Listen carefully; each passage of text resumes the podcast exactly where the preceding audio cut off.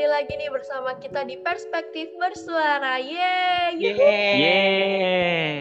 Oke, nah uh, minggu ini kita kedatangan tamu spesial nih, bintang tamu spesial. Yang pertama ini ada, ada Kak Jonathan. Boleh say hi dulu Kak Jonathan kepada para pendengar. Halo semuanya, perkenalkan nama aku Jonathan. Aku dari SMTK Betel Jakarta. Hai. Wah, hai Kak Jonathan. Salam kenal ya.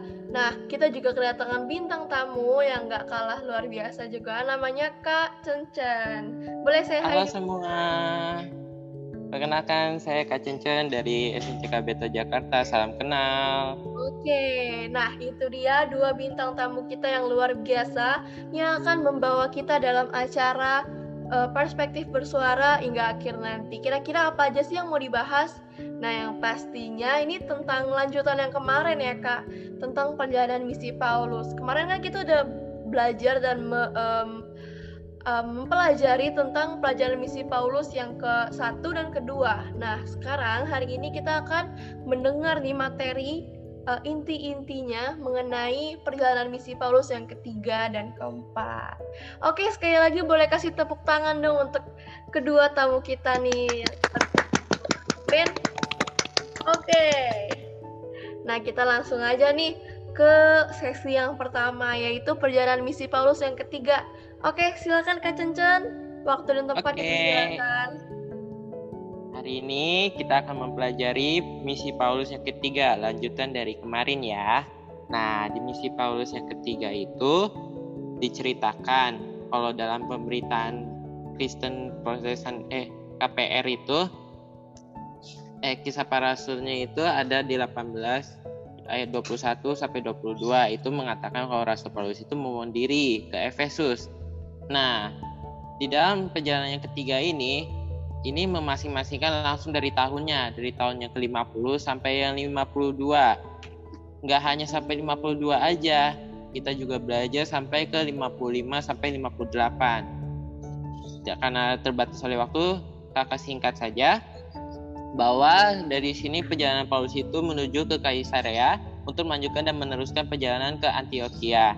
Nah, setelah beberapa hari lamanya, nah Rasul Paulus ini tinggal di situ. Ia mulai kembali dari perjalanannya yang ke-11 yang dikiranya dimulai pada tahun 53. Nah, di mana perjalanan dilakukan pada akhir musim panas atau awal musim itu mengambil pusat di Efesus dengan tujuan untuk menguatkan murid-muridnya dan kawan-kawannya sepelayanannya akan ditinggalnya kan pada perjalanannya sebelumnya. Nah, sehubung dengan surat-surat Paulus tersebut, perjalanan itu akan kita bicarakan lagi karena surat-surat itu dituliskan justru selama di perjalanan-perjalanan itu.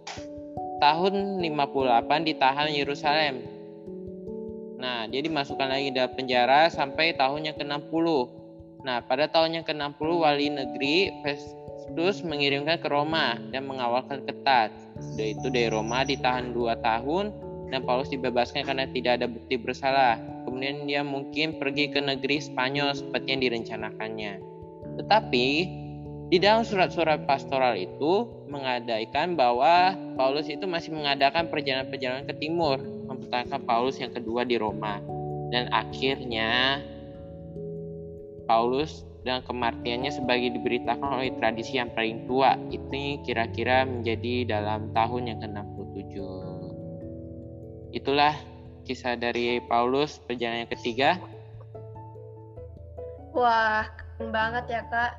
Ini iya nggak iya kalah nggak kalah keren dari misi Paulus yang pertama dan kedua ternyata. Memang kalau, kalau di misi Paulus yang ketiga itu lebih menekankan hmm. pada tahun-tahunnya itu lebih ke apa namanya lebih ke perjalanannya. Karena oh. di situlah perjalanan iya gini loh kak. Karena di per perjalanan ini bukan sembarang perjalanan karena waktu dia mau apa ke wali negeri versus mengirimkan ke Roma itu ada pengawalan ketat. Jadi semuanya itu ketat. Nggak ada yang itu mudah untuk melewatinya. Harus berhadapan dengan akhir musim panas awal musim ini kan banyak itu kan di Efesus untuk yeah. menguatkan murid-muridnya kawan-kawan pelayannya yang masih tinggal di perjalanannya gitu. Jadi banyak rintangan. Gak hanya wow. rintangan saja uh, dari iklim cuaca juga termasuk. Gitu kak. Wah keren banget ya kak. Jadi bisa dibilang bahwa perjalanan misi Paulus ini yang ketiga ini bisa dijadiin teladan ya untuk kita semua bahwa ya saling menguatkan intinya gitu dalam musim apa pun, cuaca apa pun, yang penting ya saling menguatkan dan tetap teguh berjalan ya. Nah, ini ada pertanyaan nih Kak dari salah satu audiens kita. Nah, ini pertanyaannya. Apakah tujuan dari Paulus mengambil pelayanan pusat di Efesus? Kira-kira apa Kak jawabannya? Oke, untuk pertanyaan ini akan saya jawab untuk materi dalam misi Paulus yang ketiga. Ya, untuk itu kenapa mengambil pelayanan pusat di Efesus? Pasti ada sebabnya karena Paulus bertujuan untuk menguatkan murid-murid dan kawan-kawan perjalanannya yang ia tinggalkan pada perjalanan sebelumnya. Jadi pada perjalanan sebelumnya itu ada tugas yang belum terselesaikan pasti. Pasti hmm. ada tugas yang belum terselesaikan. Makanya itu dia untuk mentutaskan itu dia harus menguatkannya kembali. Mungkin nih contoh apa namanya? Ketika Paulus sudah menyelesaikan tempat tersebut, tapi kan belum tentu sepenuhnya pasti ada juga yang belum jadi untuk meyakinkan lagi tugasnya yang belum selesai maka dikerjakan lagi gitu itu sih kak Wah, keren. Terima kasih untuk jawabannya Kak Cencan. Sangat memberkati dan sangat memuaskan ya pastinya. Ya, terima kasih. Oke. Jadi uh, terakhir terakhirnya nih, saya mau um, minta aplikasi nih untuk Kak Cencan, untuk kita semua mengenai perjalanan misi Paulus yang ketiga ini, kira-kira apa sih yang bisa jadi rema untuk kehidupan kita? Uh, aplikasi yang terutama dari kita belajar tentang misi Paulus itu dari perjalanannya, kenapa dia harus menguatkan kembali? Ingat uh, apa namanya? Kan kalau dalam kehidupan sehari-hari kita pasti memiliki tugas tugas ada yang bisa terselesaikan, ada juga yang belum di, belum bisa diselesaikan. Nah, cara kita untuk itu harus menyelesaikan tepat waktu gitu. Ada yang belum selesai harus kita selesaikan. Seperti halnya ini, kita mempelajari kita telah menguatkan di suatu tempat seperti Paulus telah uh, apa namanya memberitakan Injil di suatu tempat. Pasti ada juga yang belum terselesaikan dan terlaksana. Nah, dengan cara itu dia mengulang kembali atau melakukan hal itu lagi untuk menguatkan sesamanya. Agar mereka contoh Paulus sudah menguatkan dari titik A.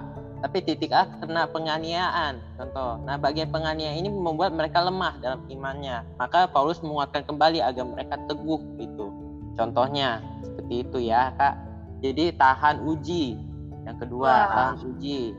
Ya setiap masalah atau badai pergumulan yang menghadang kita seperti masalah Paulus yang berurusan dengan musim atau perjalanannya yang harus yang diperketat atau apa semuanya harus dilaluinya dengan percaya kepada Tuhan gitu intinya tahan uji eh, dari masalah dan tidak bersungut-sungut terutama. Wah keren banget kak.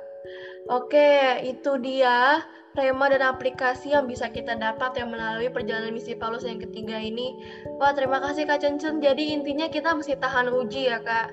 Uh, yeah. apa pun itu di depan kita apa pun um, uji ujian yang Tuhan berikan percaya saja bahwa Tuhan mendatangkan semua kebaikan untuk kita. Amin Amin. Oke, terima kasih Kak Cencan untuk hari ini Sama-sama, materi luar biasa. Nah, kita langsung lanjut aja nih um, perspektif bersuara. Kita langsung lanjut ke Kak Jonathan nih materinya apa sih? Nah, ini dia perjalanan misi Paulus yang keempat. Boleh tepuk tangan dulu dong. Uh. Oke. Uh. Silakan Kak. Terima, ya, terima kasih buat uh, Kak Angel yang sudah uh, memberikan kesempatan Nah, di sini kita akan berbicara mengenai perjalanan misi Paulus yang keempat. Nah, untuk perjalanan misi Paulus yang keempat ini, di mana pada awal misinya, pada awalnya itu bermula perjalanan misi keempat ini adalah di Kaisarea. Nah, di mana saat itu eh, Paulus ini, di situ Paulus eh, sangat taat ya, di mana dia sering datang ke rumah ibadah, di situ dia eh, datang ke bait Allah. Nah, tetapi di situ dia itu uh, ingin mentabiskan uh, empat orang Yunani. Nah, di situ agar ia bisa masuk ke Bait Allah. Nah, akhirnya uh, mereka mentabiskan diri agar mereka suci. Nah, tetapi di situ pada saat itu Kaisarea itu dipenuhi orang-orang Yahudi di mana di situ orang-orang Yahudi itu sangat taat akan hukum Taurat. Nah, di situ mereka berpegang terhadap hukum Taurat bahwa tidak boleh mencemari bait Allah. Karena itu saat itu Paulus membawa uh, empat orang Yunani itu. Nah, di situ tapi di situ Paulus uh, belum membawanya ke dalam tet tetapi sebelum masuk masuk ke dalam bait Allah itu sudah dicegat oleh orang-orang Farisi. Mereka mengira eh mereka mengira Paulus ini akan mencemari bait Allah. Nah, di situ mereka berprasangka. Akhirnya tua-tua orang Yahudi itu eh, menghasut orang-orang di sekitar situ untuk menangkap Paulus untuk uh, membunuhnya. Akhirnya uh, di situ Paulus ditangkap dan mereka uh, mencoba untuk membunuh Paulus, tetapi di situ datang uh, kepala pasukan tentara untuk uh, menangkap Paulus agar uh, tidak, maksudnya tidak di uh, main hakim sendiri oleh orang tua-tua itu. Nah akhirnya dibawa ke penjara lah Paulus tersebut. Nah, setelah itu saat di penjara pada malam harinya eh, Paulus didatangi oleh eh, Allah bahwa di situ Allah menguatkannya supaya ia mampu menghadapi atau menjalani peristiwa yang akan dia hadapi. Nah, pada keesokan harinya itu Paulus dibawa oleh eh, pasukan tentara kepala tentara itu untuk menghadap eh, imam tertinggi di eh, Yerusalem Namanya itu adalah uh, Imam Ananias. Nah, di situ Ananias adalah imam tertinggi di situ. Ia dihadapkan, uh, ia dituduh oleh dakwa-dakwaan oleh tua-tua. Nah, di situ uh, Paulus membela diri karena ia mengaku bahwa tidak bersalah. Di situ Paulus uh, membela dirinya dengan uh, ketekunannya bahwa ia tidak bersalah. Karena kita tahu bahwa Eh, orang-orang Farisi, orang-orang Saduki tidak sangat membenci yang namanya Paulus karena uh, ia tidak mau hukum Tauratnya dilanggar atau uh, bait sucinya dicemari. Nah, setelah itu akhirnya uh, Paulus berdiam diri. Di situ dia berpikir. Dia melihat di sekitarnya itu adalah orang-orang Farisi dan orang-orang Saduki. Kita tahu orang-orang Farisi, Saduki itu memiliki e, perbedaan di mana orang Farisi itu mempercayai mempercayai akan kebangkitan orang mati, adanya malaikat dan adanya roh. Nah, tetapi orang Saduki tidak mempercayai akan hal itu semua. Nah, di situ Paulus mengatakan bahwa ia lahir dari e, termasuk golongan mazhab orang Farisi, bahwa ia mengakui bahwa adanya kebangkitan orang mati dan adanya malaikat dan adanya roh. Nah, di situ terjadi pertentangan akhirnya e, muncullah kericuhan antara Farisi dan Saduki di mana di sana e, terjadi kericuhan dan Paulus terombang-ambing oleh ber, e, banyaknya orang di situ akhirnya para tentara di situ menangkap Paulus kembali untuk dimasukkan ke penjara. Nah, setelah itu beberapa hari kemudian Paulus dihadapkan lagi kepada mahkamah agama di mana di situ Imam e, Ananias membawa seorang pengacara yang bernama tertulus. Di situ uh, mereka membawa uh, tua-tua di situ untuk menjatuhkan Paulus di mana segala dakwaan terhadap Paulus dilontarkan. Nah, tetapi di situ Paulus tetap ke uh, Paulus tetap dengan keyakinannya bahwa ia tidak bersalah. Karena kita tahu memang Paulus tidak bersalah karena di situ hanya terjadi kesalahpahaman saja. Nah, tetapi mereka berusaha untuk menjatuhkan Paulus akhirnya sidang pun berakhir di situ uh, Raja Felix eh wali kota Felix tidak menemukan kesalahan yang fatal terhadap Paulus. Nah, akhirnya setelah itu dia dibawakan juga ke di situ sebelum ia dihadapkan ke Raja Herodes pergantian antara uh, wali kota Felix dengan uh, Perkius Festus akhirnya terjadi. Nah di situ Paulus juga dihadapkan juga dengan uh, wali wali wali kota yang baru yaitu yang bernama Vercius Festus. Nah di situ uh, ia didatangi oleh Raja Akriba dan uh, istrinya. Di situ di mana uh, saat itu mereka berkunjung untuk mengucapkan selamat kepada Raja Festus. Nah, tetapi di situ juga Raja Festus ini mau melibatkan mereka karena mencari eh mencari eh, petunjuk arah dari Raja Akriba ini atau sering kita juga sebut itu mencari pendapat agar perkara ini dapat diselesaikan. Nah, tetapi hal itu tidak ditemukan uh, jalan keluarnya. Bahkan saat dihadapkan uh, kepada Raja Akriba, di situ malah Paulus uh, melontarkan uh, pengakuannya bahwa ia tidak bersalah, bahkan ia menceramahi Raja Akriba. Hampir di situ Akriba merasa dirinya akan dikristenkan, tetapi Raja Akriba mengetahui hal tersebut kemudian dia pergi. Nah, setelah itu perkara itu pun tidak tidak eh, tidak terbuktikan bahwa Paulus itu bersalah. Nah, akhirnya Paulus di situ berkata bahwa ia akan naik banding, akan eh, naik banding terhadap kaisar. Nah, akhirnya di situ eh, raja raja per, Perkius Festus ini kaget karena ia akan naik banding. Nah, akhirnya ia akan eh, Raja Festus ini mengirim Paulus ke kaisar yaitu di Roma atau disebut pada masa itu adalah orang Rom. Nah, lanjutlah perjalanannya di sini. Di sini eh, Raja Festus eh, Raja Perkius Festus di sini eh, mengirim beberapa pasukan untuk mendampingi Paulus dan di sini ia eh, menyerahkan Paulus kepada eh, perwakilan tentara Herodes yaitu yang bernama Julius.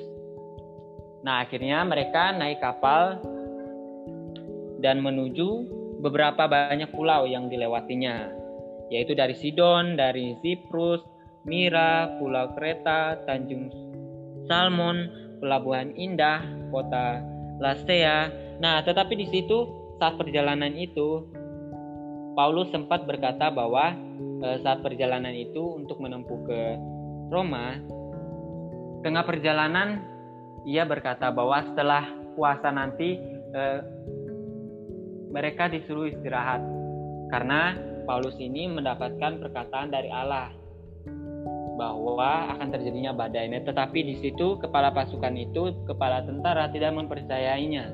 Akhirnya mereka tetap melanjutkan, mereka tetap kekeh. Akhirnya di perjalanan di e, mereka berlayar lagi.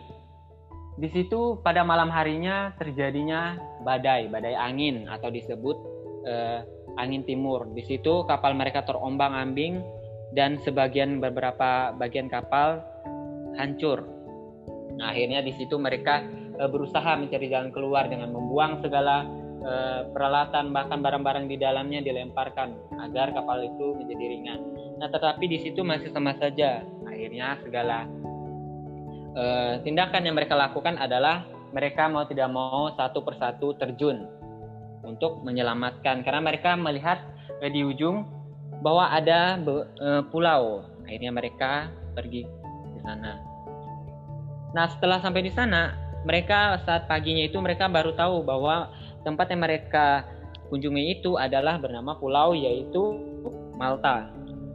Nah, di situ mereka bertemu juga dengan penduduk. Di situ mereka disambut dengan baik.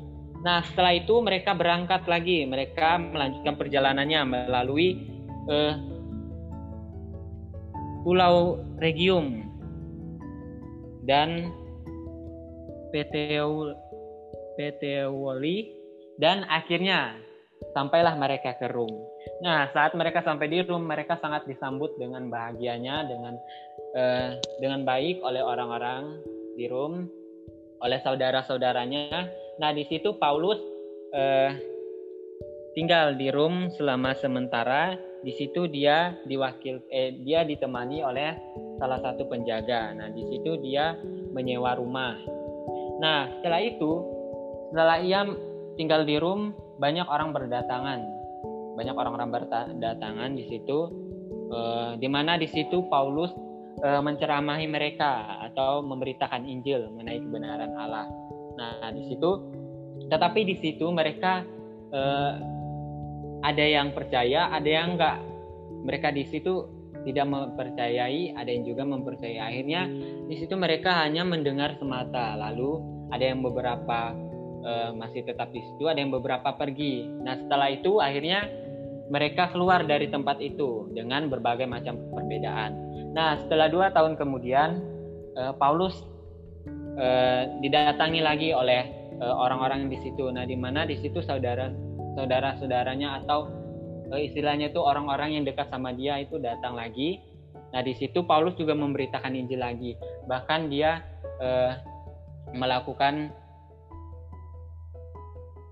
bahkan dia melakukan berbagai uh, macam untuk memberitakan Injil di situ. Akhirnya uh, di situlah misi Paulus keempat itu berakhir. Oke, demikian. Wah, oke. Keren banget ya nih perjalanan misi Paulus yang keempat. Berarti ini bukan yang terakhir ya, Kak, setahu aku. Sebenarnya ya. ada lagi ya yang dia di Spanyol. Masih, ada. masih banyak ya. Nah, ya. mungkin ini kita bahas materinya sampai sini dulu nih kawan-kawan. Oke, um, ada satu pertanyaan nih untuk Kak Jonathan untuk materi hari ini. Yang pertama ini adalah pada perjalanan Paulus yang keempat itu, Paulus itu um, sebagai apa sih di dalam situ tuh? Di dalam perjalanan oh. Paulus yang keempat ini? Ya, oke. Okay. Nah, jadi eh, terima kasih atas pertanyaannya. Uh, perjalanan Paulus yang keempat ini adalah sebagai tawanan dari yang penjelasan yang saya jelaskan tadi kita tahu bahwa dia itu e, menjadi seorang tawanan karena dakwaan orang-orang Farisi Saduki tadi di mana ia akan dihadapkan oleh eh, kepada kaisar di negara eh, di kota Rom. Terima kasih. Oke, semoga jawabannya menjawab ya. Terima kasih untuk Kak Jonathan untuk jawaban dan uh, materinya yang sangat memberkati dan menginspirasi kita. Boleh tepuk tangan? Oke, okay, ini yang terakhir ya, terakhir banget nih. Kira-kira aplikasinya apa sih nih Kak untuk kita semua? Untuk remanya nih apa nih buat kehidupan sehari-hari kita lewat perjalanan misi Paulus yang keempat ini? Boleh Kak? Oke, nah di sini kita uh, dari perjalanan misi Paulus yang keempat kita uh, mendapat sebuah makna atau mendapatkan aplikasi aplikasi yang perlu kita terapkan yaitu yang pertama itu adalah taat di mana kita tahu bahwa Paulus di sini eh, begitu besar ketaatannya kepada Allah di mana eh, saat sebelum eh, pada akhir perjalanannya yang ketiga di situ dia dipanggil untuk eh, memberitakan Injil. Di, eh, untuk datang ke Roma untuk eh datang ke Yerusalem untuk eh, memberitakan Injil. Nah di situ Paulus tetap eh, eh, Paulus di situ taat. Walaupun eh, dia tahu di situ pasti eh, banyak orang-orang yang membencinya. Namun karena ketaatan dia, kesetiaan dia kepada eh, Allah, di situ dia akan eh di situ dia eh, maksudnya merelakan apa pun yang akan terjadi, ia tetap taat. Nah yang kedua itu kita aplikasi yang dapat kita terapkan dalam kehidupan kita. Jangan takut. Mengapa demikian? Kita tahu lihat dari perjalanan misi Paulus yang keempat tadi, di mana di situ ia bahkan dihadapkan dengan e, tentara, orang-orang yang membencinya, e, wali kota, bahkan dia e, menghadapi berbagai cobaan. Ia tetap tekun dengan ketaatannya. Bahwa kita tahu kalau kita e, tidak takut terhadap apa yang akan kita kerjakan untuk Tuhan, semuanya akan dilancarkan oleh Tuhan. Jadi eh, aplikasi yang kedua ini adalah jangan takut. Oke, mungkin itu aja. Oke, thank you Kak Jonathan. Wah, ini benar-benar rema yang sangat luar biasa ya untuk kita lakukan dalam kehidupan sehari-hari kita. Intinya taat ya. Karena ada satu ayat firman Tuhan nih yang sering kita dengar uh, di khotbah atau di gereja di mana pun mungkin teman-teman yang sering baca Alkitab sering lihat ayat ini di Ayub 23 ayat 10 karena ia tahu jalan hidupku, sana ia menguji aku, aku akan timbul seperti emas. Wah ini ayat ini benar-benar um, berkesinambungan ya sama tentang perjalanan misi Paulus ini. Walaupun beda, ini Ayub dan itu Paulus. Cuman ini sangat uh, ada hubungannya ya karena lewat setiap uji-ujian yang Tuhan berikan, lewat setiap masalah cobaan yang Tuhan berikan melalui misi Paulus ini, ya Paulus menjadi pribadi yang sangat kuat, yaitu ya seperti emas gitu. Benar-benar ayat firman Tuhan ini ya persis dengan apa yang terjadi di kehidupan kita. Oke, uh, mungkin sekian ya dari kami, dari bintang tamu kita juga, Kak Jonathan dan Kak Cencan. Terima kasih Kak untuk kehadirannya pada hari ini, untuk materi-materi yang sangat luar biasa. Wah, semoga ke depannya nih makin luar biasa lagi ya Kak. Oke, kita ucapkan sepatah dua kata untuk selamat tinggal dulu nih Kak.